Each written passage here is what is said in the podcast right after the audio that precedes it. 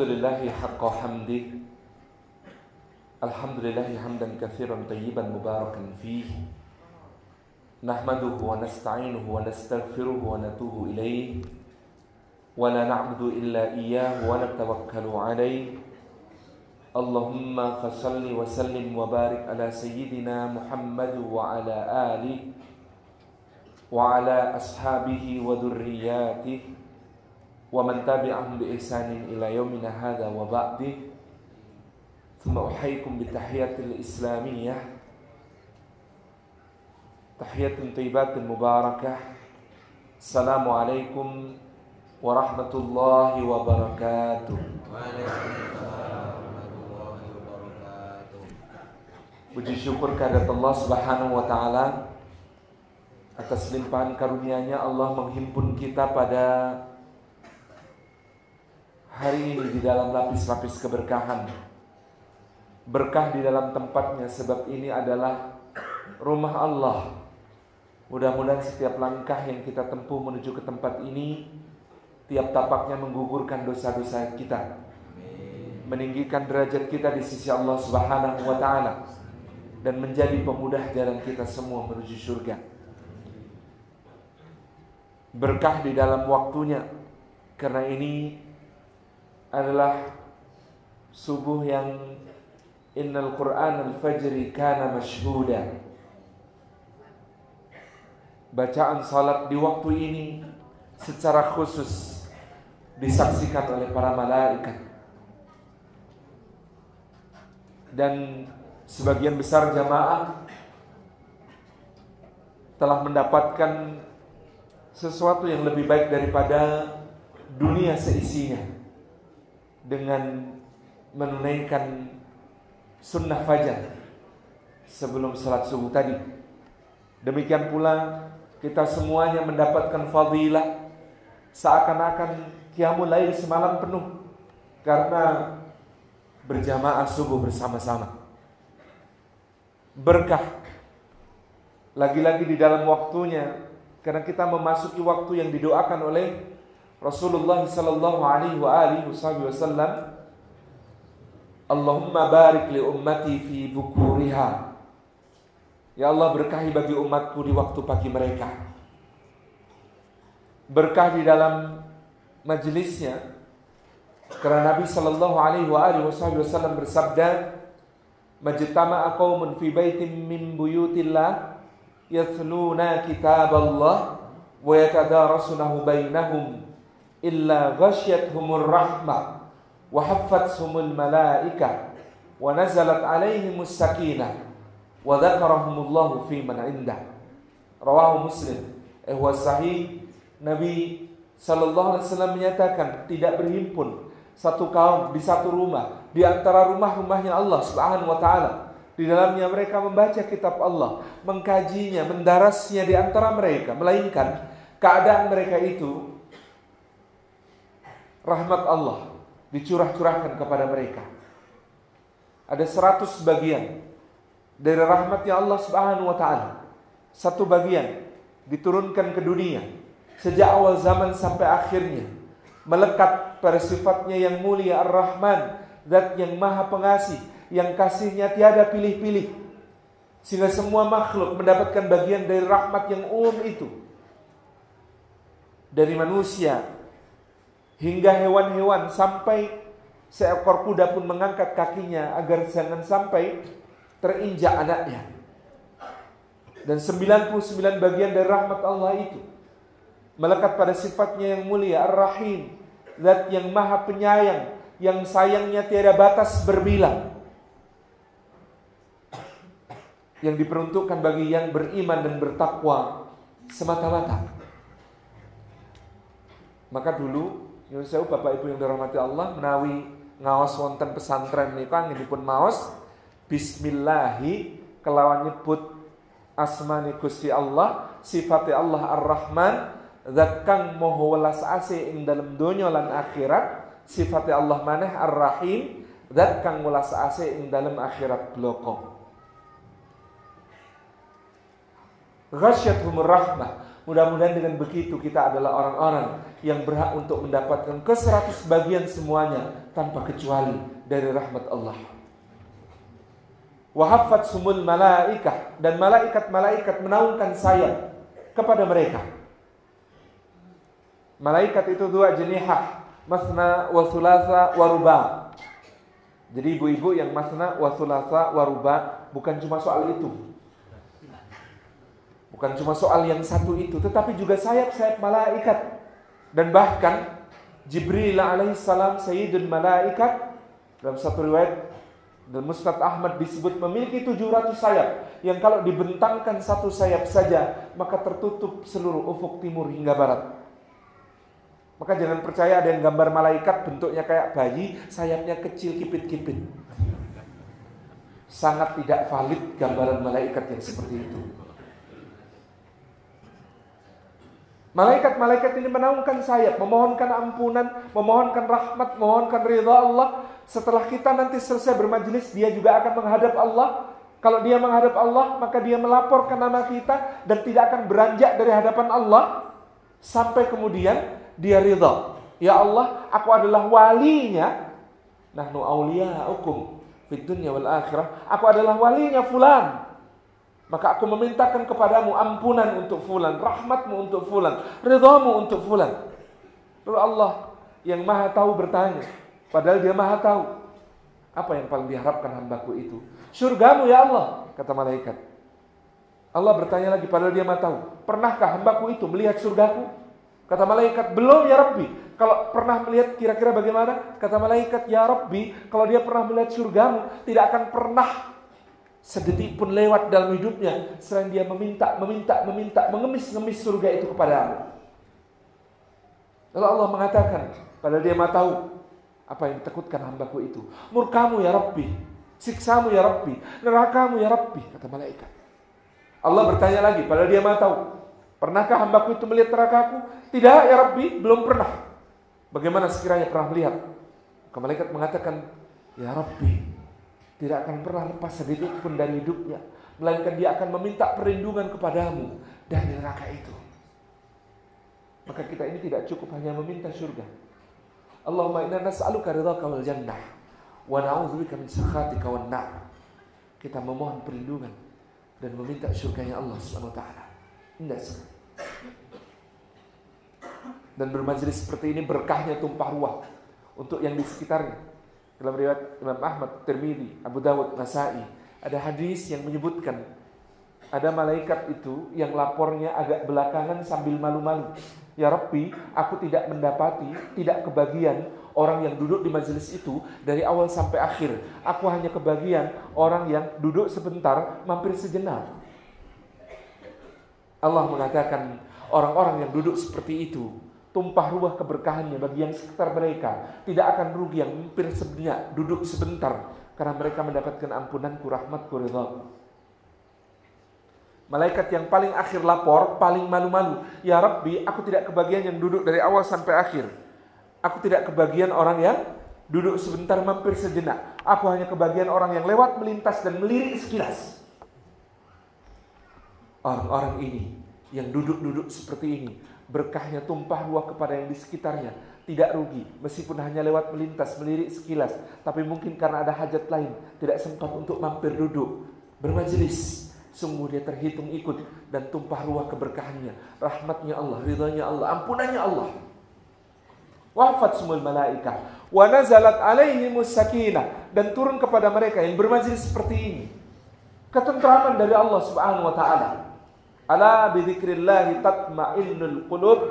Sebab tentramnya hati itu disebabkan mengingat Allah sementara bermajlis seperti ini adalah untuk mengingat Allah Subhanahu wa taala. Sebab di dalam majlis seperti ini dibahas ilmunya Allah yang membuat kita khawatir pada tempatnya dan tenang pada tempatnya. Penyakit sebagian besar manusia adalah mengkhawatirkan apa yang sudah dijamin dan melalaikan apa-apa yang belum dijamin. Yang sudah dijamin misalnya wa ma min dabbatin fil ardi illa 'ala Allahi rizquha. Tidak ada yang melata di atas bumi melainkan Allah yang menjamin rizkinya. sudah dijamin. Seharusnya kita tenang. Yang belum dijamin, apakah kita mati husnul khatimah? Apakah kita mendapatkan nikmat atau azab kubur? Apakah kita dibangkitkan dengan berbahagia atau ketakutan? Apakah di mahsyar lalu dihisap kita beruntung atau celaka? Apakah di atas serat kita sampai ke seberang atau jatuh ke dalam jahanam? Ini belum dijamin. Maka seharusnya kita mengkhawatirkan yang begini melebihi khawatir kita atas rizki yang sudah dijamin Allah. Padahal penyakit kebanyakan manusia mengkhawatirkan rizki, melalaikan akhirat. Wa nazalat alaihimus sakinah fi man indah dan fadilah yang agung lagi dari majelis seperti ini. Semua yang hadir ini namanya satu persatu disebut-sebut oleh Allah dengan bangga pada makhluk-makhluk mulia yang ada di sisinya. disebut oleh ketua RT saja dibanggakan di rapat tingkat RT bombongnya luar biasa disebut oleh bupati saja di acara tingkat kabupaten kita sudah senang sekali. Disebut oleh presiden di acara kenegaraan disiarkan secara langsung oleh 12 stasiun ditambah Jebres dan mana lagi? Balapan stasiun juga oh stasiun sebuah subhanallah. Betapa bangganya kita. Apalagi ini yang menyebut-nyebut adalah penggenggam alam semesta. Rabb semesta alam. Maka berbahagialah Bapak Ibu semua kita hadir di pagi ini untuk kemudian mengetahui satu arah yang hendak kita tuju di dalam hidup kita. Betapa banyak orang yang kehilangan arah di kehidupan ini. Padahal rahmat Allah dilimpahkan kepadanya. Rahmat duniawinya. Banyak orang menyebut Finlandia salah satu negara dengan sistem pendidikan terbaik. Masyarakat yang memiliki tingkat kemakmuran tertinggi salah satu di Eropa. Tapi Anda tahu angka bunuh diri tertinggi di Eropa? Sama, Finlandia. Betapa orang membanggakan Jepang, disiplinnya yang luar biasa. Bapak Ibu dirahmati Allah, Menteri transportasinya itu mengundurkan diri ketika angka keterlambatan kereta rata-rata 0,05 detik. Karena targetnya 0,01. Betapa mereka membanggakan hidup harmoninya. Tidak ada yang menonjol. Orang Jepang itu malu kalau rumahnya lebih bagus daripada tetangga. Jadi kalau kita ini malu kalau rumah lebih jelek daripada tetangga. Mereka bisa malu kalau rumahnya tampak menonjol lebih bagus daripada tetangga. Sistem sosialnya memang begitu. Tetapi angka bunuh dirinya di tengah teknologi yang sangat tinggi, kehidupan yang serba makmur juga sangat tinggi. Disorientasi, orang kehilangan arah di dalam hidupnya. Maka beruntunglah kita semuanya yang kemudian oleh Allah Subhanahu wa taala diberi petunjuk untuk mengatakan qul inna salati wa nusuki wa mahyaya wa mamati lillahi rabbil alamin Katakan, wahai Muhammad dan orang-orang yang mengikuti Muhammad sallallahu alaihi wasallam. Sesungguhnya salat segala ibadah, manasik-manasikku, segala bentuk ketaatan kehambaan wa mahyaya dan seluruh hidupku wa mamati sampai pun sesudah matiku mati dan sesudahnya kesemuanya lillah milik Allah, untuk Allah, Rabb semesta. Maka beruntunglah kita yang menyadari. Kita salat, berdiri, meladani Nabi Shallallahu Alaihi Wasallam yang kakinya bengkak untuk kiamul lain. Meski kita lalai, alpa, tapi kita tahu tujuannya. Meski kita tidak kuat menirukan rukuk dan sujud beliau sallallahu alaihi wasallam. Tapi kita berada dalam sebuah orientasi jelas. Salat ini untuk Allah. Manasik-manasik kita yang haji, yang umrah, menunaikan setiap detail manasik sejak dia mengambil miqat, berihram, menjaga segala larangan ihram, tawaf, sa'i, sampai dia nanti tahallul. Manasik dan segala bentuk ketaatan. Dia beriktikaf. Dia membaca Al-Quran. Dia berzikir. Dia bermuhasabah. Kesemuanya. Wa mahyaya. Dan setiap kehidupan. Setiap nafas yang dihirup. Setiap detak jantung. Setiap denyut nyadi. Semuanya dalam rangka menghamba kepada Allah Subhanahu wa taala. Wa mamati dan kematian nanti yang kita tidak tahu di mana, kapan, seperti apa. Dan kematian nanti yang sakitnya seluruh rasa sakit dihimpun jadi satu. Yang di situ akan terketahui mana hati yang tulus kepada Allah, mana yang berpura-pura sebab rasa sakit yang sangat itu membuat lisan kita mengeluarkan segala yang disembunyikan oleh hati. Kepada siapa di dalam hatinya menjaga Allah Subhanahu wa taala? Mengingat Allah tanpa jeda keluar dengan mudah di lisannya. Kalimat tauhid la ilaha illallah ketika ruhnya dicabut husnul khatimah kesemuanya itu milik Allah karena kita adalah muslim Salat kita, ibadah kita, hidup kita, mati kita untuk Allah sebab apa?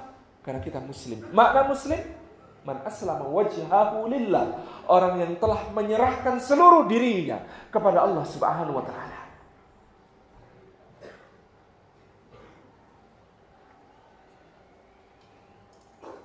Dan dia tidak menjadikan di dalam ketaatan kepada Allah itu, agama Allah itu dalam surah Al-Hajj ayat ke-78 min haraj satu kesempitan pun tidak. Huwa sammakumul muslimina min qabl wa fi hada dia Allah Subhanahu wa taala yang telah memberi nama kalian sebagai muslim sejak semula. Dan juga di dalam Al-Qur'an ini ditegaskan penyebutan itu ini kebanggaan kita ini kesadaran identitas kita sebagai seorang muslim Sebab yang menamai kita sebagai muslim bukan makhluk, bukan manusia, bukan koran, bukan buku, bukan cendekiawan, bukan penulis riset. Dan saya banyak pemilik agama, penganut agama lain, itu yang memberi sebutan untuknya, itu orang lain. Coba tanya teman-teman yang beragama, mau nyebut apa? Kristen, Nasrani, Katolik, apalagi? Apalagi Kristennya Jawa. Kristen Indonesia Barat. Protestan ini, Protestan itu, macam-macam sebutannya. Teman-teman Hindu tanyakan, teman-teman Buddha tanyakan, sebutan untuk nama mereka sebagai seorang penganut agama dari siapa? Dari manusia. Cari di kitab sucinya ketemu tidak? Tidak ada. Saya bertaruh. Kalau ada penyebutan tentang nama pemeluknya itu adalah kitab sucinya, ayo tunjukkan. Tidak ada. Yang dinamai seperti Allah memberi nama kita disebut dengan eksplisit jelas min qabli Allah yang memberi nama kalian itu muslim sejak semula dan juga di dalam Al-Qur'an ini ditegaskan sebutannya, bahkan tentang nama agamanya, nama agamanya. Sampai-sampai seorang ahli kitab mendatangi Sayyidina Umar bin Khattab radhiyallahu anhu dan berkata, "Ya Amiral Mukminin, sesungguhnya ada satu ayat di dalam Al-Qur'an yang seandainya turun kepada kami, maka kami jadikan hari turunnya ayat itu sebagai hari raya." Ayu ayat kata Sayyidina Umar, ayat yang mana? Ayat Al-yawma akmaltu lakum dinakum wa atmamtu alaikum ni'mati wa raditu lakumul islam dina Al-yawma akmaltu lakum dinakum. Pada hari ini telah kusempurnakan untuk kalian agama kalian. Wa atmamtu alaikum ni'mati dan kusempurnakan pula untuk kalian nikmat-nikmatku. Wa raditu Islam dina dan aku ridai Islam Islam Islam sebagai agama bagi kalian. Sebutan nama agamanya maupun sebutan nama pemeluknya Dua-duanya termaktub dengan jelas. Tanpa kesangsian. Dan seorang ahli kitab mengatakan dengan sangat cemburu kepada Amirul Mukminin Umar bin Khattab kalau itu turun kepada kami penyebutan nama agamanya, penyempurnaan agama itu, penyebutan bahwa nikmat Allah telah dicukupkan kepada kita semua itu kalau turun kepada mereka kata mereka akan kami jadikan sebagai hari raya. Sayyidina Umar bin Khattab radhiyallahu anhu mengatakan, demi Allah aku mengetahui di mana tempat ayat itu turun, pada hari apa ayat itu turun.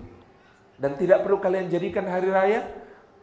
Allah telah memilihkan hari yang paling suci dan tempat yang paling suci untuk turunnya ayat itu. Di Haji Wada.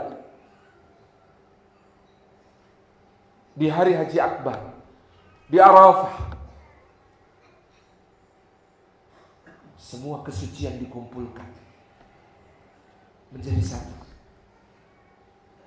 Ini kesadaran identitas kita sebagai seorang muslim. Para salafus salih mengajarkan kalau Anda ditanya apakah engkau mukmin? Uskut. Kata mereka, kalau ditanya apakah engkau seorang mukmin, diamlah. Kenapa diam? Mengatakan ya.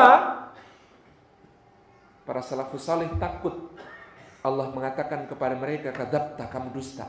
Karena apa? Bukti-buktinya tidak kamu penuhi.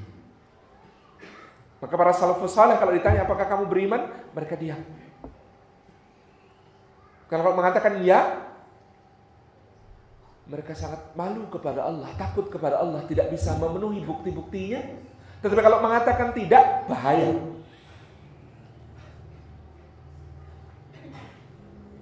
Kalau tentang iman, karena seakan ditanya kamu beriman atau tidak, Lalu dijawab, itu seperti memastikan kita sebagai ahli surga atau bukan. Tetapi kalau ditanya apakah engkau seorang muslim? Apa jawab kita? Ya. Karena Al-Quran memerintahkan Fakul syahadu bi anna muslimun Maka katakanlah bahwasanya saksikanlah kami ini orang-orang muslim. Kalau mukmin ini perkara yang kita dengan Allah Subhanahu wa taala urusannya panjang.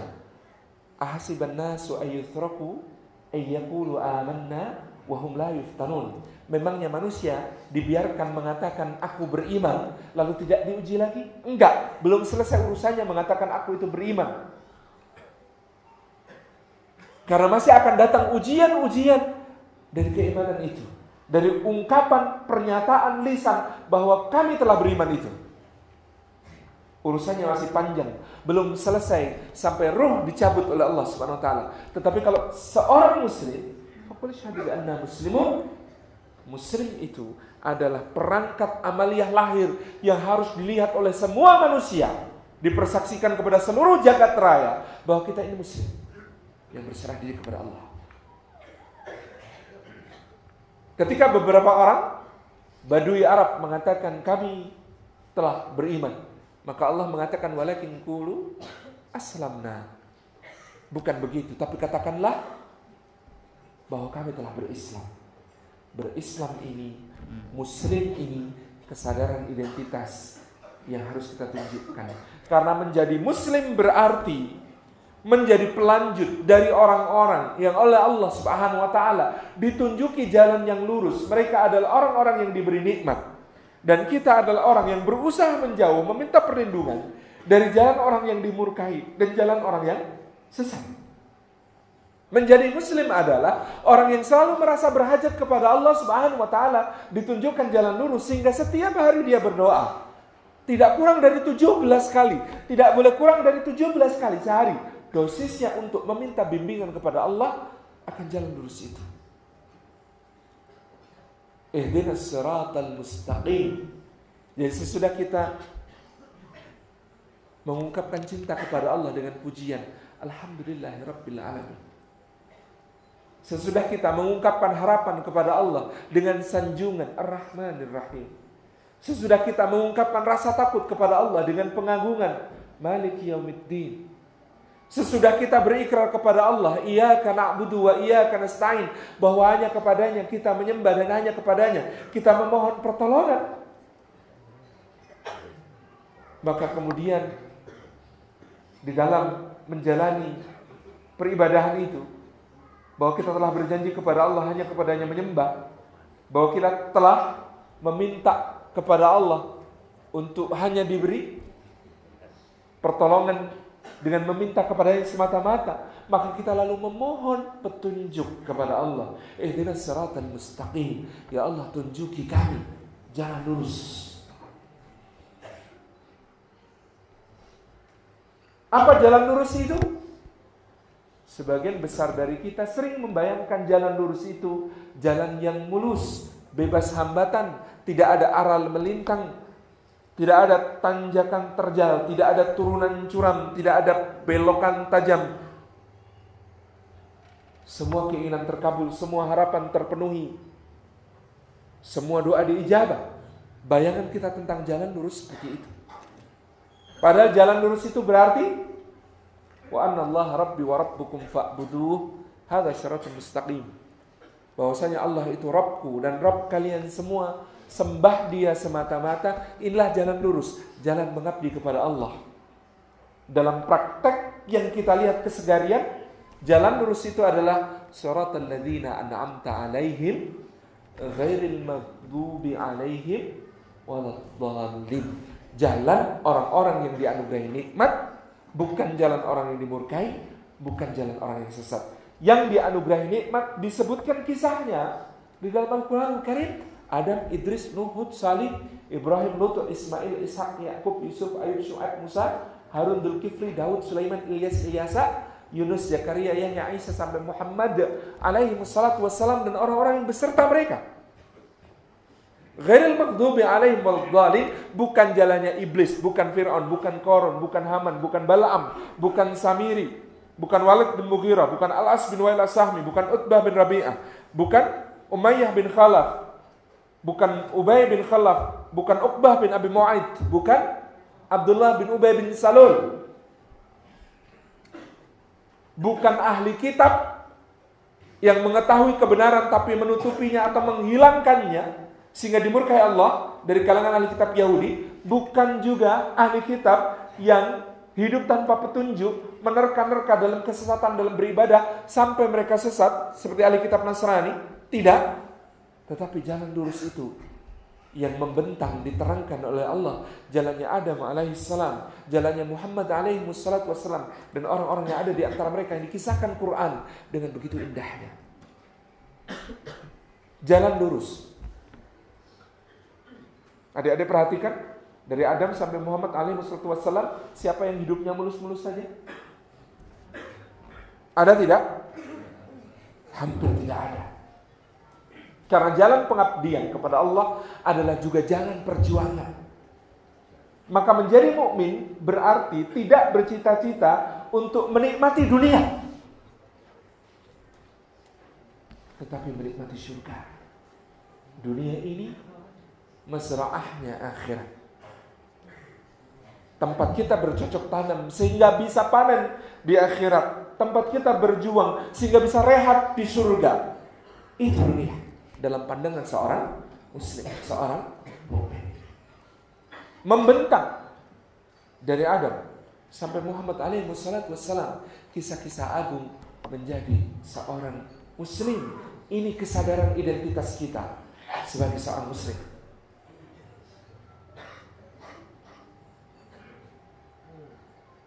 Maka Quran itu disebut sebagai hudal nasi wa bayyinatin minal huda wal furqan. Kenapa tidak cukup hanya huda, petunjuk? Kalau petunjuk itu cuma lakukan ini, jangan lakukan itu. Itu petunjuk. Tapi Quran juga mengandung bayinatin minal huda. Penjelasan dari petunjuk itu, bagaimana petunjuk itu dijelaskan dengan mengisahkan orang-orang yang sukses meniti jalan petunjuk itu. Maka Al-Alamah Abdul Karim Zaidan dalam Al-Mustafa dan min Qasasil Quran mengatakan, itulah kenapa Al-Quran ini sebagian besar isinya dalam bentuk kisah. Karena dengan kisah itu kita diberi inspirasi tentang jalan lurus Sebenarnya kalau Quran hanya huda saja, maka simple isinya. Lakukan ini, jangan lakukan itu. Lakukan ini, jangan lakukan itu. Lakukan ini, jangan lakukan itu. Tetapi agar kita menghayati, agar kita mendapatkan ruh dari petunjuk itu, maka bayina timinal huda. Allah menjelaskan petunjuk itu melalui kisah-kisah yang sangat indah. Nahnu naqussu 'alaika ahsanal qasas kami ceritakan kepadamu sebaik-baik cerita bi ahsanil iktisas kata Imam Ibnu Katsir dengan cara penceritaan yang paling baik bima auhayna ilaika hadzal Qur'an dengan apa yang kami wahyukan kepadamu di dalam Al-Qur'an. Maka barang siapa berdoa ihdinas siratal mustaqim setiap rakaat di dalam salatnya salah satu ciri doanya terkabul adalah banyak bertadabbur Quran. Kenapa dia berdoa, ya Allah tunjukkan kami jalan lurus. Salah satu tanda bahwa doa ini diijabah oleh Allah Subhanahu wa taala adalah kita kemudian banyak bertadabbur tentang kisah-kisah Al-Qur'an. Untuk mendapatkan petunjuk jalan lurus itu. Jalan lurus itulah jalan yang mengantar kita ke tujuan. Kepada hendak ke mana di bawah hidup kita ini. Jalan lurus itu. Dengan berbagai macam variannya berbagai macam rasanya, pahitnya, manisnya, getirnya, susahnya, sedihnya, bahagianya, nikmatnya, musibahnya, lapangnya, sempitnya, kayanya, miskinnya, kehilangannya, mendapatkannya, kesemuanya. Digambarkan dengan begitu indah di dalam Al-Quran. Kalau tadi saya membaca ayat Nahnu nakusu ke asal kasas secara khusus Cerita siapa yang disebut sebagai cerita terbaik itu? Yusuf alaihissalam. Dan antum perhatikan, kata Imam Hasan al-Basri, setiap kali hidupku terasa berat, aku baca surah Yusuf. Setiap kali hidupku terasa berat, aku baca surah Yusuf. Lalu perjuangan ini menjadi ringan terasa lagi. Kenapa? Lihatlah kisah Yusuf berliku-liku.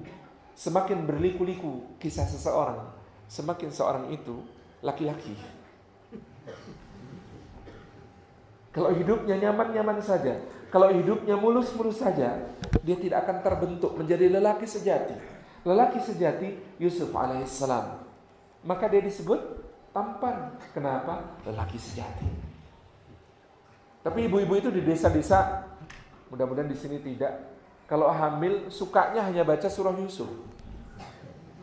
Saya pernah tanya, Bu, kenapa suka baca surah Yusuf? Kata mereka, supaya anaknya ganteng kayak Nabi Yusuf. Lalu biasanya saya tanya lagi, ibu mau putra ibu lelakon hidupnya kayak Nabi Yusuf? Belirik. Astagfirullah, jangan Ustaz. Gantengnya aja yang kayak Yusuf. Lah kalau hidupnya, ya kayak Sulaiman aja.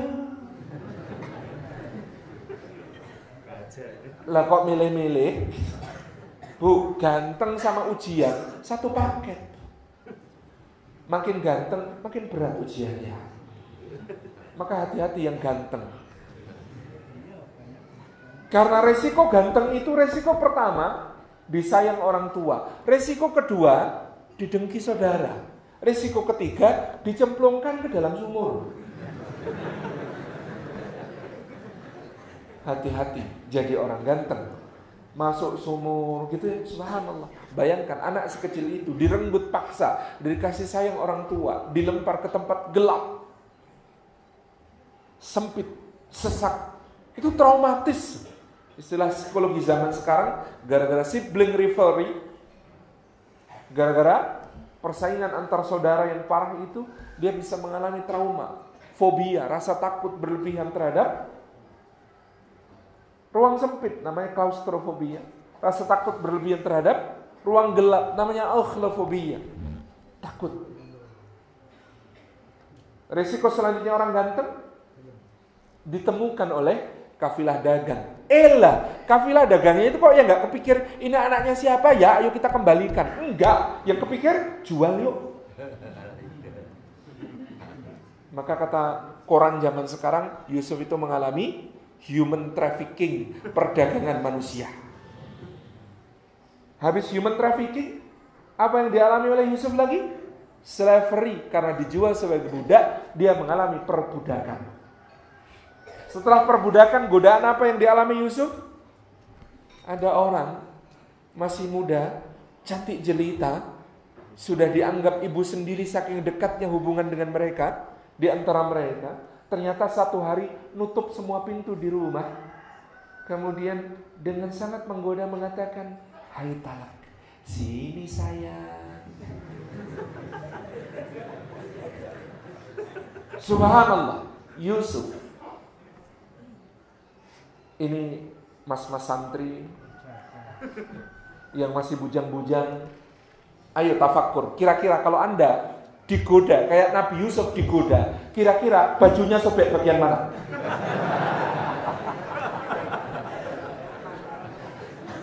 Kan ini bajunya sobek bagian mana? Kalau Yusuf sobek belakang karena melarikan diri. Kalau kita? Kata teman saya, kalau saya sobek samping, lu kok sobek samping? Ya wong saya itu tidak sesoleh yang sobek belakang, tapi insya Allah juga kayaknya nggak sebejat yang sobek depan. Tengah-tengah itu. Jadi jangan toh, tapi kok ya gimana ya? Jangan. Tapi ada teman saya yang bilang kalau saya nggak sobek sama kali, tapi atak copot dewi.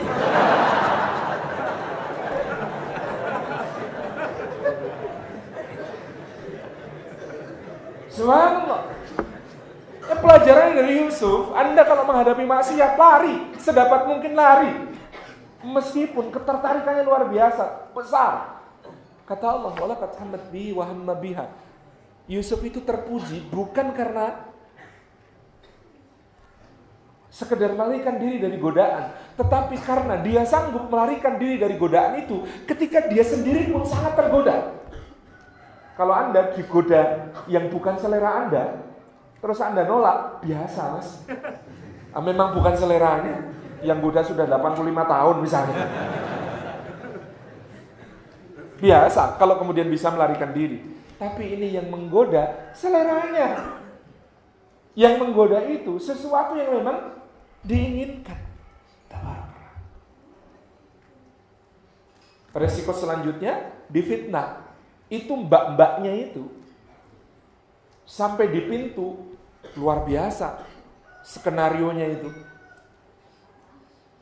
Ketemu suaminya langsung bilang, Mas apa hukumannya orang yang bermaksud jahat kepada istrimu Padahal sudah kamu berbuat baik sama dia Ini luar biasa Maka inna kaidakunna adim disebut sang suami Tipu dayamu besar sekali Sebab apa? Biasanya orang itu kalau kepergok Itu kan ngomongnya jadi nggak teratur gugup itu. Misalnya ada orang nyolong kedondong, mau ngambil kedondong, ditanya sama pemilik, ngapain mas? Nyari kucing, buat apa? Bikin rujak. Nanti biasanya kalimat kedua kejebles, kalimat pertama masih ngarang, kalimat kedua kejebles gitu.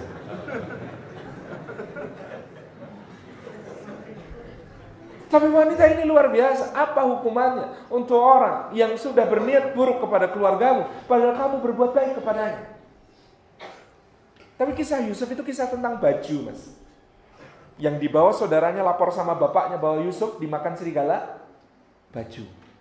Yang menyelamatkan Yusuf ketika kemudian dia dituduh berbuat jahat, baju nanti bapaknya datang dalam keadaan buta yang membuatnya bisa melihat kembali baju.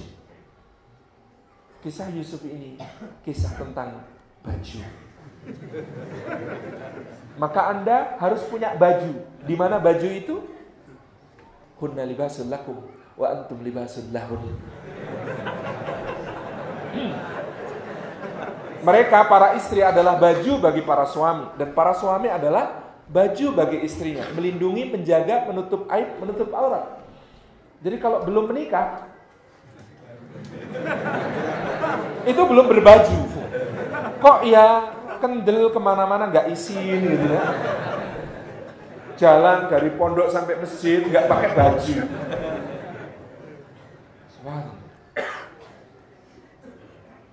Baju yang menyelamatkan. Resiko selanjutnya itu dari seksual abuse. Apa yang dialami selanjutnya? Itu wanita. Siapa namanya yang menggoda Yusuf? Zulaiha. Tahu dari mana? Tafsir. Di ayatnya ada enggak? Enggak ada. Kenapa tidak ada? Karena Allah Maha Santun. Allah itu kalau ada orang bermaksiat tanpa malu-malu, mujaharah, terang-terangan, plus bangga sama maksiatnya, disebut namanya juga. Tabat siada abi lahabi watab binasa tangannya Abu Lahab yang digunakan mengacung-acungkan ke wajah Rasulullah. Kemudian mengatakan, "Tabbanna ya Muhammad ali hada tanah itu." Maka Allah menyebut langsung namanya. Binasa tangan Abu Lahab. Tapi wanita ini masih punya malu. Apa buktinya masih punya malu? Sebelum godain Yusuf, nutup pintu. Berarti masih punya malu. Karena masih punya malu nggak disebut namanya sama Allah. Disebut cuma sebagai Imra'atul Aziz. Ayo yang pondok terjemahnya apa Imra'atul Aziz? Oknum istri pejabat. Seorang oknum istri pejabat di Mesir telah menggoda budaknya. Beritanya menyebar. Seorang oknum istri pejabat.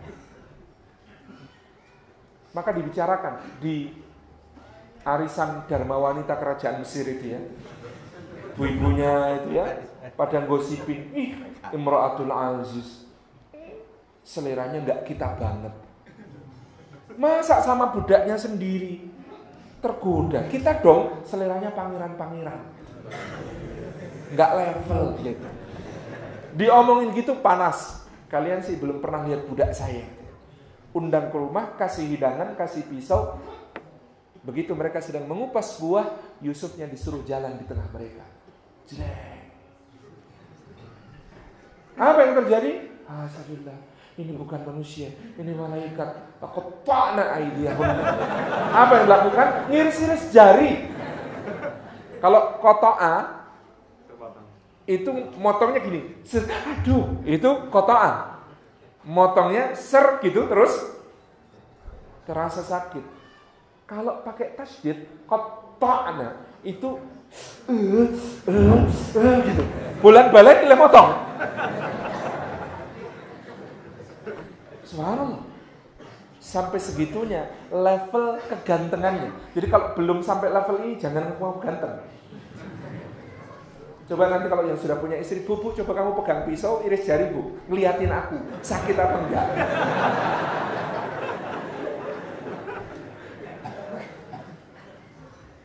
Maka apa yang dikatakan Yusuf berikutnya?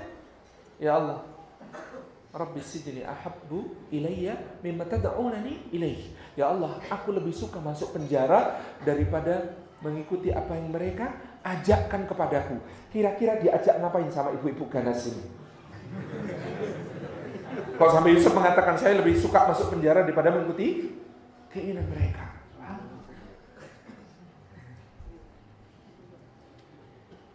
Indah sekali lelaki ini, Yusuf alaihissalam. Dia melewati ujian yang berat dirasakan. Sempit, sesak, miskin jadi budak. Kehilangan kasih sayang dan cinta. Sampai kemudian melewati ujian syahwat yang sangat kuat.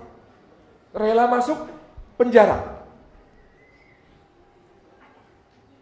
Di penjara apa yang dilakukan? Tetap berdakwah mas Ya sahibai sijen, hei dua penghuni penjara temanku, perhatikan apakah Tuhan, Tuhan yang banyak, sesembahan-sesembahan yang banyak, Ra, Amun, Set, Osiris, Isis, dewa-dewa Mesir. Apakah dewa-dewa Mesir yang banyak itu yang kemudian lebih baik? Ataukah Rab semesta alam yang satu lagi maha perkasa? Berdakwah. Dia mengatakan kepada temannya, kamu selamat kamu akan mati, tetapi dua-duanya tidak ada masalah selama beriman kepada Allah. Dakwah. Habis dakwah apa yang terjadi pada Yusuf? Dilupakan. Dilupakan sama temen itu nggak enak. Apalagi kalau dilupakan bahwa dia masih di penjara. Di temennya itu kan disuruh, nanti kalau ketemu raja, tolong sebut kasus saya. Saya korban kriminalisasi. Nggak salah, tapi masuk penjara. Kata temennya, siap. Lupa, lupanya tujuh tahun pak menurut tafsir. Tujuh tahun kemudian, jadi kalau novel itu tujuh tahun kemudian. Baru ingat dia, oh iya Tuan Raja, saya punya temen baik, pinter. Di mana? Di penjara. Maka itulah saat tampilnya Yusuf alaihissalam. Pada waktu yang paling tepat. Di takdir Allah itu, karunia Allah itu tidak pernah terlambat. Hanya hadirnya di saat yang tepat. Kalau bukan terasa tepat untuk kita, mungkin tepat untuk orang lain.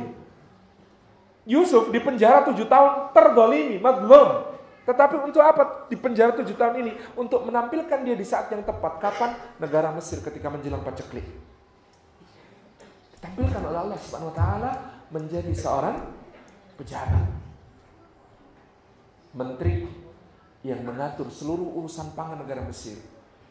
Dan dia melakukan itu dengan sepenuh dedikasi sampai nggak bisa mudik untuk sungkem ke orang tua. Sampai saudaranya yang mengalami paceklik juga datang ke Mesir. Dikenali dan kemudian diskenario sedemikian rupa agar adiknya diajak. Begitu adiknya diajak, taruh timbangan emas di wadahnya. Begitu adiknya ditahan, maka orang tuanya yang datang. Ketika orang tuanya datang, yang menakjubkan dari Yusuf adalah dia memaafkan semuanya dan bahkan tidak lagi menyebut-nyebut masa lalu. Ketika ditanya, gimana keadaanmu Yusuf? Kata Yusuf,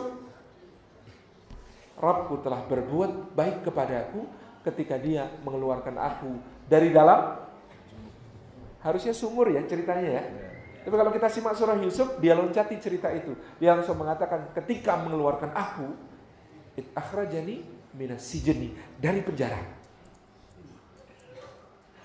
Bagian yang sebelumnya tidak diceritakan. Kenapa?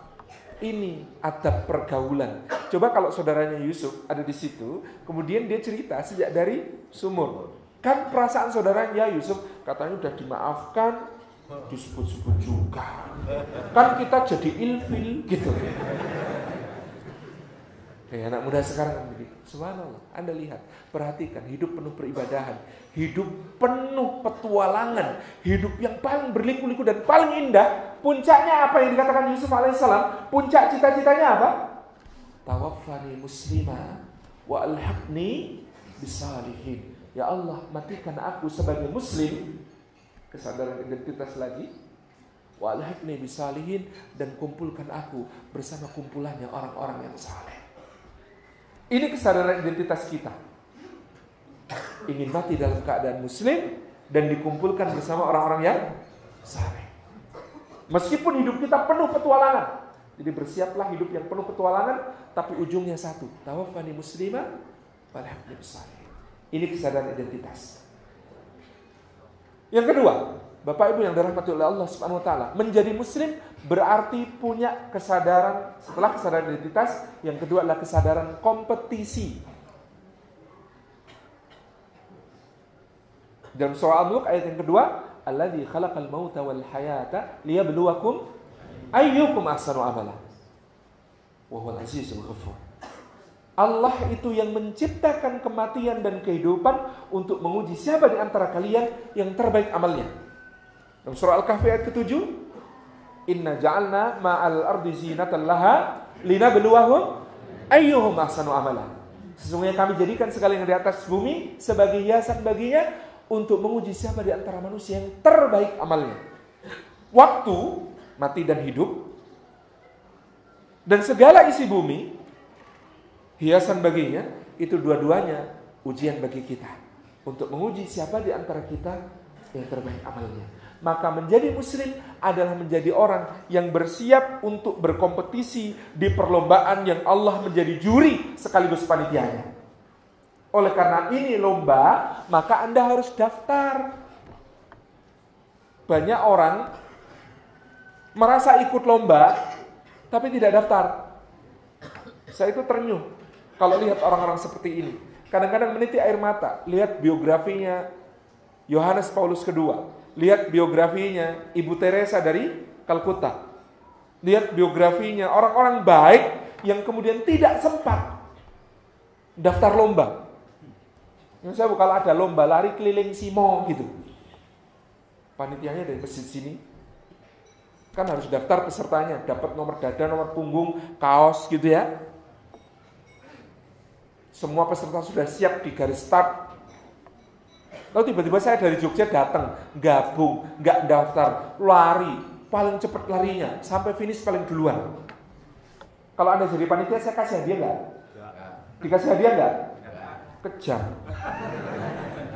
Loh, kok saya nggak dikasih hadiah? Padahal saya ikut dari garis start sampai finish, sampai finish paling duluan. Kenapa nggak dikasih hadiah? Karena nggak daftar, diskualifikasi. Ada orang itu, kalau dalam berbuat baik, Masya Allah, kita kalah. Tetapi untungnya kita daftar. Saya itu baca biografi, autobiografinya Ibu Teresa. Diarinya itu kan diterbitkan. Halaman terakhir diarinya tahu nggak? Halaman terakhir diarinya Ibu Teresa dari India yang Anda perhatikan kalau di, di apa namanya biografinya itu begitu datang gitu ya masih gadis usia 18 tahun. Ya tetap gadis sih sampai mati katanya. Itu masih gadis 18 tahun. Itu lihat orang-orang sakit kusta itu kalau di India orang sakit kusta lepra itu dianggap kutukan dewa sehingga tinggalnya di mana? Dekat tempat sampah supaya bisa dapat makanan. Diambil dari tempat sampah, digendong, bawa ke pemondokannya, dimandikan, dibersihkan luka-lukanya, diobatin, dikasih pakaian yang baik, dikasih tempat, disuapin makannya sampai sembuh. Kayak gitu amalnya gitu. Kan kita cemburu gitu. Kita belum bisa seperti itu. Tapi bacanya itu, baca biografinya, autobiografi yang terbitkan dari diarinya itu, halaman terakhir bunyinya apa? Tulisannya, Tuhan, di mana engkau? Kau perintahkan aku untuk mencarimu di antara orang-orang miskin dan terbuang. Berpuluh tahun aku di sana, tapi kau tak kunjung datang. Bayangkan. Betapa mahalnya hidayah. Betapa mahalnya hidayah ini. Dan kita yang dapat hidayah ini mungkin karena doa kakek-kakek kita yang setiap hari dulu berdoa Rabbana hablana min azwajina wa dzurriyyatina qurrata a'yun waj'alna lil muttaqina imama. Begitu terus berdoa untuk kita. Lalu kita hari ini tidak mensyukuri itu, tidak ikut berlomba, bahkan ketika diadakan lomba lari, duduk-duduk di garis start. Mas, kok nggak ikut lari mas? Kan lomba larinya keliling, nanti finishnya di sini juga. Saya tunggu aja di sini, masa harus lari? Wong finishnya di sini kok. Subhanallah. Ada orang-orang yang kita kasihan kepada mereka karena mereka larinya cepet banget, neng orang daftar. Tapi ada juga yang kita kasihani, bahkan itu mungkin diri kita sendiri, yang sudah daftar tapi duduk-duduk di garis start. Merasa cukup dengan status menjadi muslim, santai dengan semua kewajiban-kewajiban syariat. Ngucap syahadat hanya ketika khitan, akad nikah gitu. Sholat, idul fitrian. Ini mahal sekali. Kesadaran kompetisi ini mahal sekali. Menjadi seorang muslim itu sadar kompetisi karena kita semua adalah orang yang sudah daftar di lomba yang Allah jadi juri dan panitianya dengan mengucapkan asyhadu an la ilaha illallah wa asyhadu anna muhammadar rasulullah. Kita daftar lomba dengan kalimat ini, dua kalimat yang sangat ringan ini. Tapi itu baru pendaftaran, belum lombanya. Maka berbahagialah di dalam din ini kita memiliki saudara-saudara untuk berlomba dalam biografi Sayyidina Abu Bakar As-Siddiq Abdurrahman Asy-Syarqawi membawa riwayat dari Ibnu Ishaq tentang Sayyidina Abu Bakar As-Siddiq radhiyallahu. Itu subuh, ba'da salat subuh, pada semalam para sahabat bersama Nabi SAW baru pulang dari sebuah perjalanan jihad fisabilillah. Subuh-subuh Rasulullah sudah bertanya, Siapa di antara kalian yang semalam qiyamul lain? Sahabat diam semua. Siapa ada yang mengatakan kami tidak sempat ya Rasulullah pulang sudah kelelahan. Tertidur. Dan kemudian bangun ketika Abdullah bin Umi Maktum sudah adzan subuh. Rasulullah melirik ke arah Abu Bakar As-Siddiq yang tertunduk. Dan Abu Bakar dipaksa bicara oleh Nabi SAW sehingga Abu Bakar mengatakan, Ya Rasulullah, aku ini orang yang kalau tidur takut tidak bangun sama sekali. Takut tidak bangun lagi. Maka senantiasa aku ini hanya sholat dua rakaat sebagai qiyamul lailku, satu rakaat sebagai witirku sebelum aku tidur. Rasulullah tanya lagi, siapa di antara kalian yang hari ini saum, puasa sunnah? Kata para sahabat, mana sempat sahur ya Rasulullah? Abu Bakar Siddiq, ya Rasulullah, meskipun tidak sempat juga makan sahur aku sudah meniatkan puasa untuk hari ini. Siapa di antara kalian yang sudah mengurus jenazah hari ini? Mengurus jenazah Baru pulang juga semalam. Apa jawab Abu Bakar As-Siddiq? Di tengah diamnya para sahabat, Ya Rasulullah, fulan dari Ansar, saudara kita yang kemarin terluka dalam jihad itu, semalam meninggal. Aku yang mengurus jenazahnya sampai menguburkan. Rasulullah tanya lagi, siapa yang sudah menyantuni anak yatim? Kalau kita kan panti asuhan mana yang sudah buka ya Rasulullah? Apa jawab Abu Bakar Siddiq radhiyallahu anhu? Fulan yang meninggal itu ya Rasulullah punya dua anak yang masih kecil. Aku sudah menyerahkan nafkah untuk mereka sebulan ke depan. Rasulullah tanya lagi, siapa yang sudah menjenguk orang sakit? Subuh-subuh ditanya begitu. Jawab Abu Bakar Siddiq, ya Rasulullah, aku kalau berangkat ke masjid, maka aku senantiasa menghampiri sahabat-sahabatku di antaranya Abdurrahman bin Auf dan tadi ketika aku hampir dia sedang sakit sehingga tidak hadir sholat subuh. Aku menjenguk dan mendoakannya. Siapa yang sudah menyantuni fakir miskin? Apa kata Abu Bakar? Ya Rasulullah, dari rumah aku membawa roti dan susu untuk para ahlu sufah yang tinggal di serambi masjid Nabi SAW. Sudah kuberikan kepada mereka. Sayyidina Umar bin Khattab mengatakan, sejak saat itu kami semua mengatakan satu sama lain, mana ada yang bisa mengalahkan Abu Bakar? Saat itu kami mengatakan, mana ada yang bisa mengalahkan Abu Bakar As-Siddiq radhiyallahu anhu. Tapi kami semua menjadikan Abu Bakar sebagai orang yang akan menjadi penyemangat kami, pelecut semangat kami dalam amal saleh. Sehingga apa yang terjadi? Ketika perang Tabuk diserukan, Sayyidina Umar tergopoh-gopoh menghadap Nabi SAW. Ya Rasulullah, terimalah ini pergunakan fi sabidillah. Kata Nabi, berapa yang kau tinggalkan untuk keluargamu, hai Umar? Kata Umar, sama dengan ini.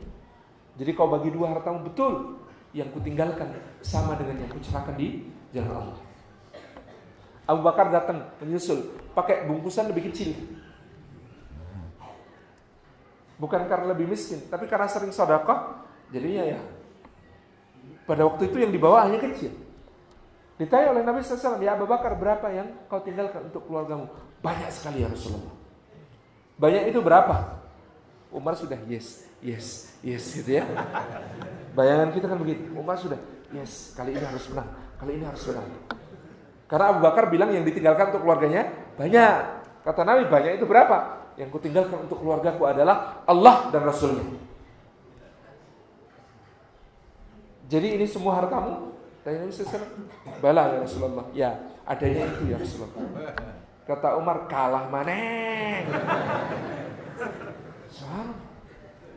Seakan-akan memang sahabat-sahabat tidak punya kesempatan untuk mengalahkan As-Siddiq radhiyallahu anhu sehingga ketika Nabi SAW mengatakan sesungguhnya surga memiliki banyak pintu dan setiap orang akan dipanggil dari pintu yang dia jadikan sebagai andalan amal salehnya. Ada babus salah untuk orang-orang ahli salat.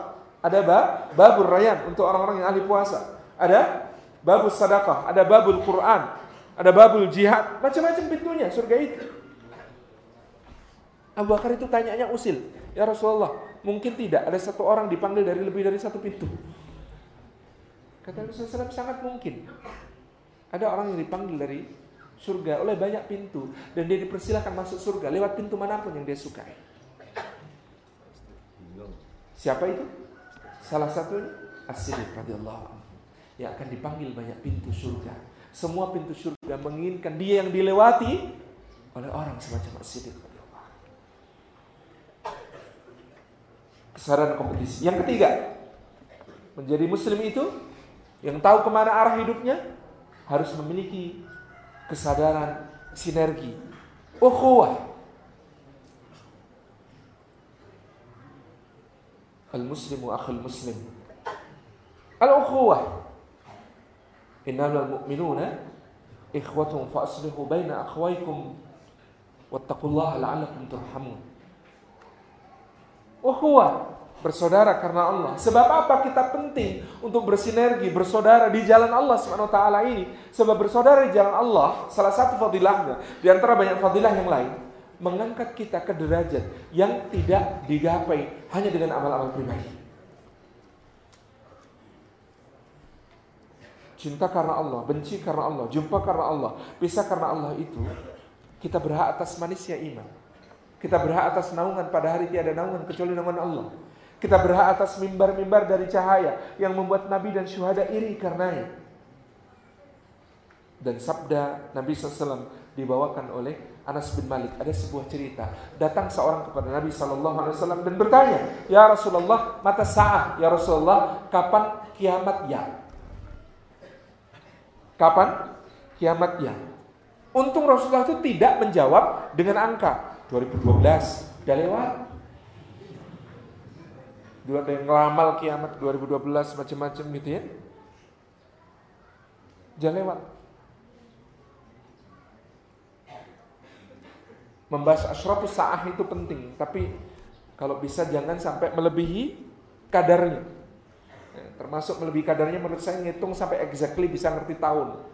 Karena Rasulullah SAW tidak menyatakan demikian. Bahkan Allah mengatakan akadu ukhfiha litujza kullu nafsin bima tas'a. Aku memang menyembunyikan waktunya untuk menguji manusia dan agar setiap jiwa dibalas sesuai dengan apa yang telah diperbuat.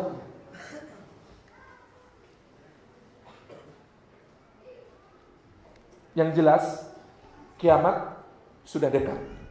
Oh di masa Rasulullah saja sudah dekat, ya nggak mungkin toh tambah jauh.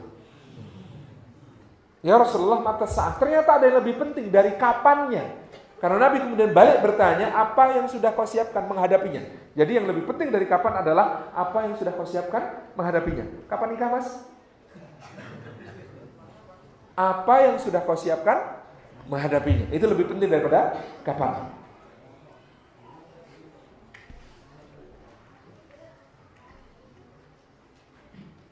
Orang itu menjawab, La illa wa ana wa rasulah. Tidak ya Rasulullah, tidak ada yang saya siapkan kecuali bahwa saya ini cinta kepada Allah dan Rasulnya. Faqala Nabi sallallahu alaihi wasallam, "Anta ma'aman ahbabta." Maka Nabi SAW bersabda kepadanya, "Engkau akan bersama dengan yang kau cinta." Wa fi riwayat Muslim, "Al-mar'u yuhsyarul mar'u ma'aman ahab." Seseorang itu akan dihimpunkan bersama yang dicintainya. Seseorang itu akan dihimpun bersama yang dicintainya.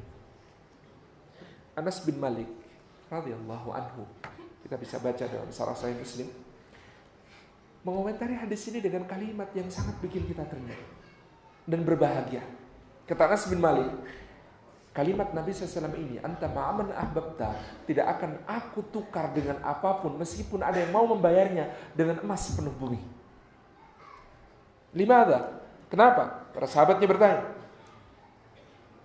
Karena kata Anas bin Malik, hadis ini sangat menggembirakanku, membahagiakanku sampai-sampai kalau ada yang mau menukarnya, tidak akan kuberikan. Kenapa kok bahagia? Anas bin Malik menjawab, aku ini amalku, salatku, ibadahku, tilawah Quranku, puasaku, sodakohku, jihadku, tidak ada seujung kukunya Umar, tidak ada seujung kukunya Abu Bakar, apalagi Nabi Shallallahu Alaihi Wasallam. Kata Anas bin Malik, tetapi aku mencintai Rasulullah, aku mencintai Abu Bakar, aku mencintai Umar. Maka disebabkan cinta itu, aku punya harapan kelak akan berhimpun di dalam surga yang sama dengan mereka.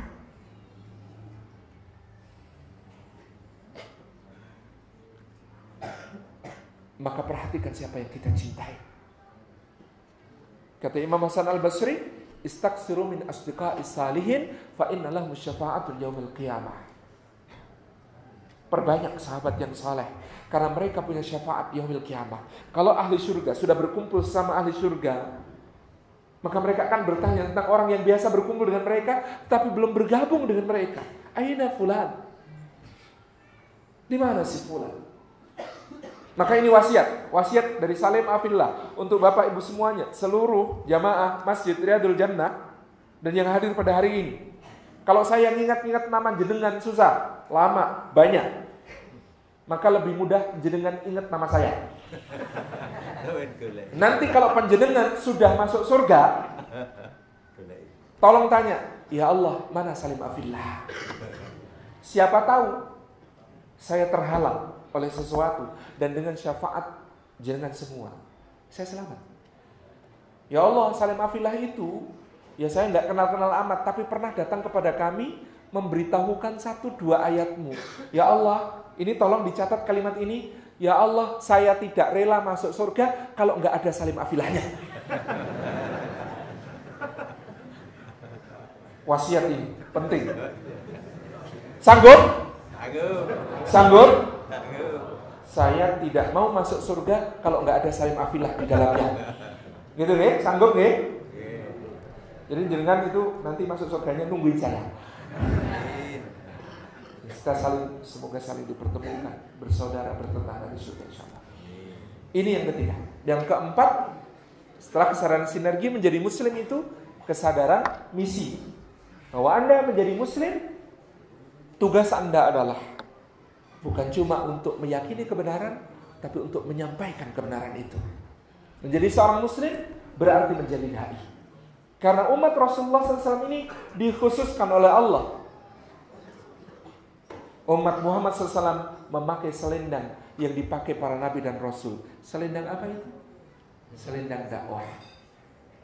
Pada umatnya Nuh yang berdakwah siapa? Nabi Nuh sendiri. Pada umat Yahud siapa yang berdakwah? Nabi Hud sendiri. Umatnya Saleh, umatnya Lut, hanya nabi-nabi yang berdakwah. Tapi umatnya Muhammad, Allah mengatakan kuntum khaira ummatin ukhrijat linnas ta'muruna bil ma'ruf wa tanhauna 'anil munkar wa tu'minuna billah. Kuntum khaira ummah. Jadi ada seorang tabi'in baca ayat ini di depan Sayyidina Umar bin Khattab. Alhamdulillahilladzi ja'alana khaira ummah. Kata Umar, enggak, enggak, enggak, keliru, keliru, keliru. Karena orang ini mengatakan segala puji bagi Allah yang menjadikan kita sebagai sebaik-baik umat. Kata Umar, enggak keliru. Kalau toh Allah bermaksud demikian, pasti ayatnya berbunyi antum khairu ummatin ukhrijat linnas. Tapi Allah pakai fi'il madhi. Kuntum khairu ummatin ukhrijat linnas. Kuntum adalah kalian dulunya sebaik-baik umat. Kapan dulunya itu? Ketika masih ada Rasulullah di antara kita kata. Ketika masih ada Rasulullah di antara kita, maka Allah mengatakan kuntum khair umat. Kalau kalian mau menjadi sebaik-baik umat, maka ikutilah apa yang dilakukan oleh Rasulullah bersama sahabat-sahabatnya di kurun yang terbaik itu. Satu-satunya. Tak bil ma'ruf dengan cara apa? Memerintahkan kepada yang ma'ruf. Watanhauna 'anil munkar, mencegah dari yang munkar. Untuk minuna billah, membawa kepada iman kepada Allah Subhanahu wa taala. Kesadaran misi yang sangat penting panjenengan itu diminta memperbanyak teman ke surga. Bukan mengeluarkan orang dari surga. Wis rajin nang masjid mbok salah-salah ke juk tau nang masjid. Sudah kemudian berada di dalam lingkungan yang indah. Saya ditanya apa program utamanya Joko Karyan masjidnya itu kok sampai ke mana-mana ceritanya. Loh program utama masjid itu cuma satu, apa itu? Mensolatkan orang hidup. Kalau mensolatkan orang mati gampang mas, takbir empat kali, salam selesai. Mensolatkan orang mati, mensolatkan orang hidup luar biasa susah. Ini yang menjadi tugas kita semuanya, mensolatkan orang hidup. Mengajak mereka kepada salat dan mengajak mereka menegakkan nilai-nilai salat. Dan salafus saleh bertanya kepada temannya, Hal antum musallun? Apakah kalian orang-orang yang salat? Teman-temannya tersinggung. Lah kita ini ketemunya di sofa awal terus ya. Tega-teganya tanya, hal antum musallun? Lalu salafus saleh ini menitikan air mata dan membaca surah Al-Ma'arij. Innal insana khuliqa halu'a. Idza massahu syarru jazua wa idza massahu khairu manu'a illa al-musallin. Siapa orang-orang yang salat itu? الذين هم على صلاتهم دائمون والذين في أموالهم حق معلوم للسائل والمحروم والذين يصدقون بيوم الدين والذين هم من عذاب ربهم مشفقون. Inna adab rabbihim ghairu ma'mun. والذين هم لفروجهم حافظون. إلا على أزواجهم أو ما ملكت أيمانهم فإنهم غير ملومين. والذين هم لأماناتهم وعهدهم راعون. والذين هم لشهاداتهم قائمون. والذين هم على صلاتهم يحافظون. أولئك في جنة مكرمون Bayangkan konsekuensi sholat itu ternyata luar biasa. Menjadi orang yang menegakkan nilai-nilai sholat itu di dalam kehidupan. Khusyuk bukan cuma dari takbir sampai salam, tapi dari salam sampai takbir. Al-Ghazali rahimahullah tanya, apa itu khusyuk ya imam? Khusyuk itu dari salam sampai takbir engkau tercegah dari keji dan mungkar. Loh, bukannya sholat itu dari takbir sampai salam? Iya, tapi khusyuknya itu kalau sholat subuhmu khusyuk dari subuh sampai duhur kamu tercegah dari perbuatan keji dan mungkar. Inna sholat tanha anil al mungkar. Kalau kamu duhurnya khusyuk dari duhur sampai asar kamu tercegah dari keji dan mungkar. Kalau kamu asarnya khusyuk begitu seterusnya sampai engkau mati. Memang dosisnya sholat itu sudah ditetapkan oleh Allah untuk minimal mencegah kita dari keji dan mungkar sesuai dosis itu lima hari sekali, eh lima hari sekali, lima kali sehari sesuai dengan dosisnya. Tugas kita berdakwah. Menyampaikan keindahan dinul Islam melalui perbuatan kita. Lisanul hal afsal min lisanil maqal. Ketika kita kemudian menunjukkan sebagai sebaik-baik muslim menjadi duta Islam ke mana pun saya itu mengenakan kepada anak-anak saya, nak wajib berdakwah itu nak bagi umat Muhammad, tapi Indonesia jatahnya abah, kamu keluar. Di sana itu nak ada negeri kayak negeri yang dilihat oleh hud-hud. Abah sudah ke sana, Abah jadi hud-hudnya. Abah minta kamu jadi Sulaimannya. Itu Yaban namanya. Kalau negerinya yang dilihat hud-hud itu di Yaman, namanya Sabah. Ini selisih satu huruf, Yaban, Yaman. Yaban namanya, Jepang. Itu makmur, sentosa dan sama dengan negeri yang dilihat hud-hud. Apa itu? Menyembah Amaterasu Omi kami, Dewi matahari. Yasjuduna lisyams. Mereka itu kenal disiplin waktu padahal tidak pernah baca wala asri innal insana lafi khusr. Mereka itu bersih sekali. Toilet di Jepang itu toilet terbaik di dunia. Karena untuk basuh istinjaknya itu ada air panasnya, bisa didinginkan gitu ya. Nanti kalau sudah itu ada kipasnya bisa dikeringkan. Tinggal semuanya pencet tombol. Ya, kita duduk, pencet satu tombol, semprot, anget gitu ya. Pencet tombol berikutnya, dingin gitu ya. Pencet tombol berikutnya, kena angin. Kering gitu, subhanallah. Toilet terbaik di dunia itu desain toilet Jepang. Nah, kita kan nggak butuh, tapi mereka dengan aneh-aneh. Sambil di toilet itu bisa dengerin musik. Di samping toilet itu ada rak buku. Biasanya isinya sih komik kalau orang Jepang. Jadi sambil toiletan itu memanfaatkan waktu. Pakai apa? Baca komik.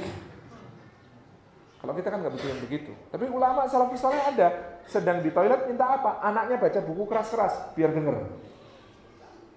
Saking berharganya waktu bagi mereka. Mereka kenal itu. Padahal nggak pernah baca hadis. Wattahuru syatrul iman. Mereka kenal tanggung jawabnya luar biasa terhadap hidup, padahal tidak faham bahwa kelak akan mempertanggungjawabkannya di akhirat. Mereka cuma belum kenal Allah, belum kenal Rasulnya, belum kenal salat, belum kenal berzakat, belum kenal puasa. Bisa nggak mengenalkan untuk 150 juta orang Jepang itu? Gak ke timur, eh ke barat dikit, ada 2 miliar manusia yang tidak mengenal Allah dan Rasulnya Sallallahu Alaihi Wasallam, yang anak keturunan mereka di Indonesia ini datang-datang ngaco gitu. Saya itu berapa waktu yang lalu ngisi di forumnya pengusaha properti muslim. Pengusaha muslim di bidang properti. Saya tanya kepada mereka, aset properti di Indonesia yang dikuasai muslim di kalangan pengusaha ini berapa persen? Kata mereka mau ngomong 3 persen aja nggak tega. Sir. Terus 97 persen siapa? Ya Ciputra, ya James Riyadi, ya Agung Podomoro, ya Agung Sedayu. Saya tanya, butuh berapa tahun untuk kalahkan? Wah itu, nggak bisa jawab. Ya kalau nggak bisa kalahkan, berarti tugas berikutnya dakwahin. Ada nggak yang siap jadi menantunya James Riyadi di sini? Oh serius ini? Ada nggak yang siap jadi suami cucunya Pak Ciputra? Serius sih. Kadang-kadang jalan dakwahnya itu Masya Allah saya tuh nggak ngira ya Allah itu membuka jalan dakwah macam-macam. Saya punya kajian rutin majelis sejak Nabi di Surabaya. Salah satu jamaah saya itu punya pekerjaan paling absurd yang paling saya pernah saya bayangkan pelatih golf. Ini jamaah majelis sejak Nabi itu ada yang pekerjaannya pelatih golf. Tapi jangan meremehkan pekerjaan seseorang. Ternyata si pelatih golf inilah yang membawakan hidayah untuk Pak Alin Markus, Mas Pion Group. Sehingga beliau tetap cintailah produk-produk Indonesia. Dan Alhamdulillah sudah muslim sekarang. Semangat sekali di pabrik suka nimami.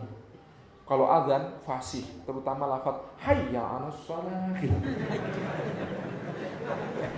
Luar biasa. Misi dakwah yang harus kita bawa sebagai seorang muslim ke mana pun. Jangan puas berdakwah di Indonesia. Di Indonesia ini karena kebanyakan dai, dai satu sama yang lain, ece-ecenan. Kakean dari yo. Sekarang luaskan cakrawalanya. Eropa. Saudara-saudara kita dari Suriah, dari Libya, dari Aljazair, dari Maroko. Ada yang sudah generasi ketiga, keempat. Ada yang baru datang ke Eropa. Dan Anda tahu kerawanan akidah yang ada di sana. Siapa yang akan membina mereka? Ayo Indonesia. Kalau bisa bikin sholat Jumat terbesar di dunia, belum kebanggaan bagi kita kalau kita belum bisa mengirim dai-dai dalam jumlah terbesar ke seluruh dunia. Tugas Indonesia. Kalau bangun masjid, serahkan teman-teman India, Pakistan, Bangladesh, Turki. Ngisi kegiatan masjid, ayo.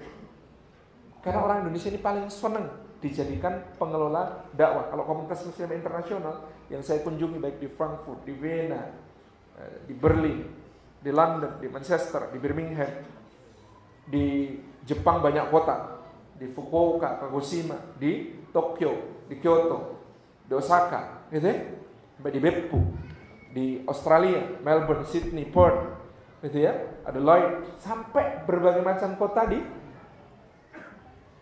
seluruh dunia. Itu kalau orang India, Pakistan, Bangladesh ketemu satu sama lain, pertanyaannya, kita mau bangun masjid di mana? Sementara orang Indonesia kalau ketemu masjidnya di mana ya Mas ya? Mending gitu tanya masjid. Tapi yang isi kegiatan kita yang diharapkan. Kenapa? Acaranya orang Indonesia itu khas. Satu, ada makan-makannya. Ngopo wae ono makan-makan. Soto koyang misalnya gitu ya. itu khasnya orang Indonesia dibawa ke seluruh dunia. Masjid Indonesia di Melbourne itu ada tiga. Westall, Baitul Makmur, Surokita. Itu tiga-tiganya kalau bikin acara nggak pernah nggak ada makannya. Dan kemudian teman-teman komunitas muslim dari negara-negara lain gabung, seneng. Di Jepang juga begitu. Di Inggris maupun di daratan Eropa juga begitu. Di Amerika juga begitu. Hasil orang Indonesia. Kalau pengajian pasti ada makan-makan. Yang kedua khasnya orang Indonesia itu tidak suka rame soal fikih. Nah, teman Suriah, teman Saudi ketemu gitu loh. Oh, ramenya sebulan sendiri. Padahal mau bahas program dakwah.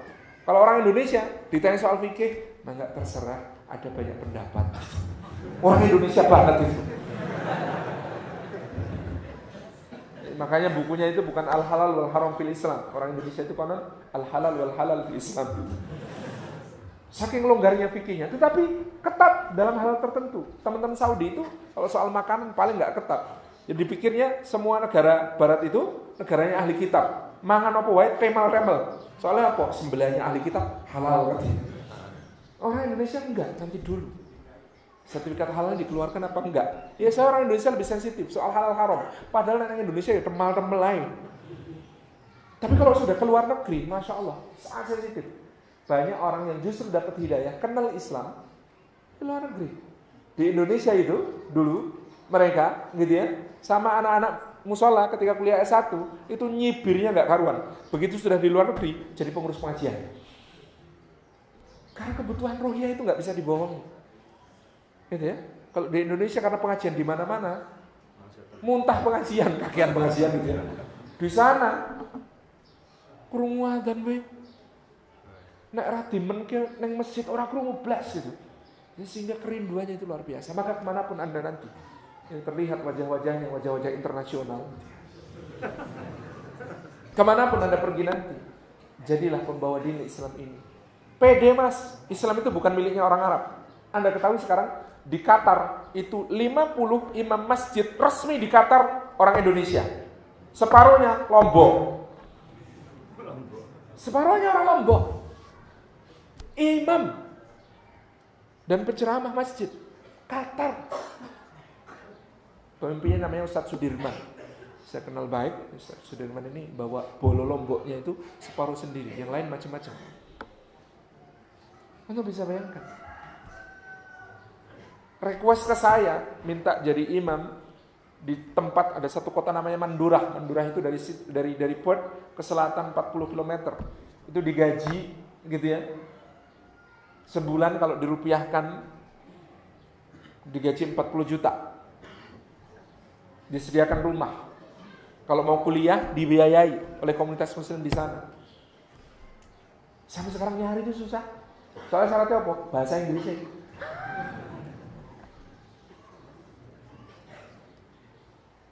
Dan berbagai tempat. Teman-teman Swiss di Dalausa, di Zurich kemarin juga nembung lagi sama saya Ustaz carikan imam. Syaratnya apa? Mau belajar bahasa Jerman dulu, nanti kita carikan kursus. Yang sanggup belajar bahasa Jerman enggak banyak ternyata. Nyarinya tetap susah. PN.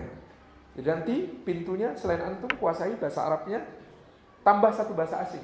Cina boleh. Xie Jesiang, gitu kan? Itu bekal dakwah yang luar biasa. Jadi kesadaran-kesadaran yang kita bangun dari apa yang kemudian kita bentuk sebagai seorang muslim.